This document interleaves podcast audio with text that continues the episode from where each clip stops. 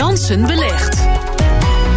Het is weer tijd voor Jansen Belegd. Uh, ja. ja, Rob, jij belegt 10.000 euro. En uh, ja. Thomas die, uh, kijkt er vooral naar uit, want je hebt nieuws aan te kondigen. Namelijk, je gaat iets doen. Iets nieuws doen. Nou, ik Met heb, dat geld. Nou, ik heb een, uh, een, nieuwe investering gedaan, ja. Een, ja.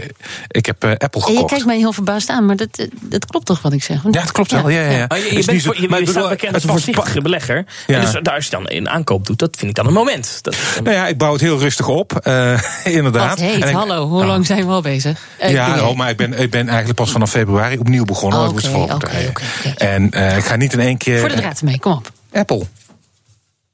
Jij kijkt heel verbaasd. Je schrikt helemaal. Nou, dat, is, dat wijkt af van de wat meer traditionele fondsen waar je in zit op dit nou, moment. Um, Kijk, ik wil spreiding natuurlijk. Ze zijn met cijfers gekomen. Uh, onlangs, die waren echt fenomenaal. Um, het is het meest winstgevende bedrijf uh, in Amerika.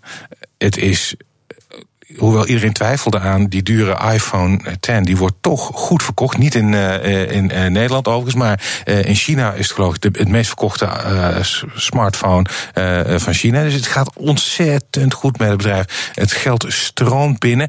Dan is natuurlijk de vraag, maak je daar dan qua dividend nog veel rendement op. Dat valt wel mee. Maar uh, het is niet duur. Als je kijkt naar hoeveel keer de winst je betaalt, valt het mee. Dus ik denk dat daar echt nog wel wat groeimogelijkheden in zitten. En ja, ik denk toch wel dat binnen de smartphone, computerhoek, dat Apple toch wel het sterkste merk is. En dat, daar voorlopig, uh, dat het voorlopig goed blijft gaan. En dat daar nog groei in zit. Ik kijk even naar de techkennis hier aan tafel. En dat is toch Thomas van Groningen. Thomas? Hm.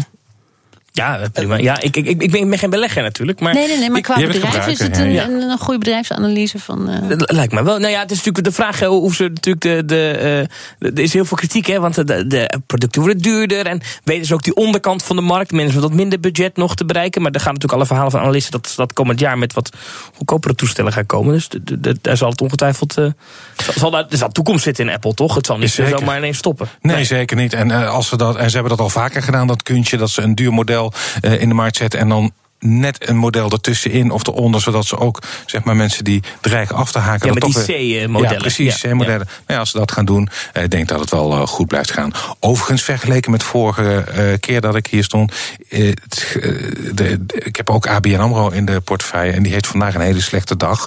Meer dan 6% eraf. Dus, Hoe komt dat? Die, nou ja, die cijfers die vielen tegen. De winst is iets gedaald. Ze hebben meer oh, voorzieningen moeten nemen voor slechte leningen.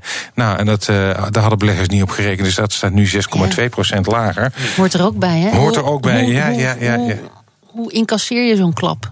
Nou, eh, eh, heel soepel. Um, uh, ik ga wat nieuws kopen. nee, nee, nee. Ja, je, zou, je, je zou op lagere koersen kunnen instappen. Als je denkt van ja, het herstelt toch wel weer. Zou je dat, zou je dat belang kunnen uitbreiden. Maar ik ga voorlopig voor spreiding. Ik heb overigens ook nog even wat Shell-dividend ontvangen. Shell is sowieso een topper.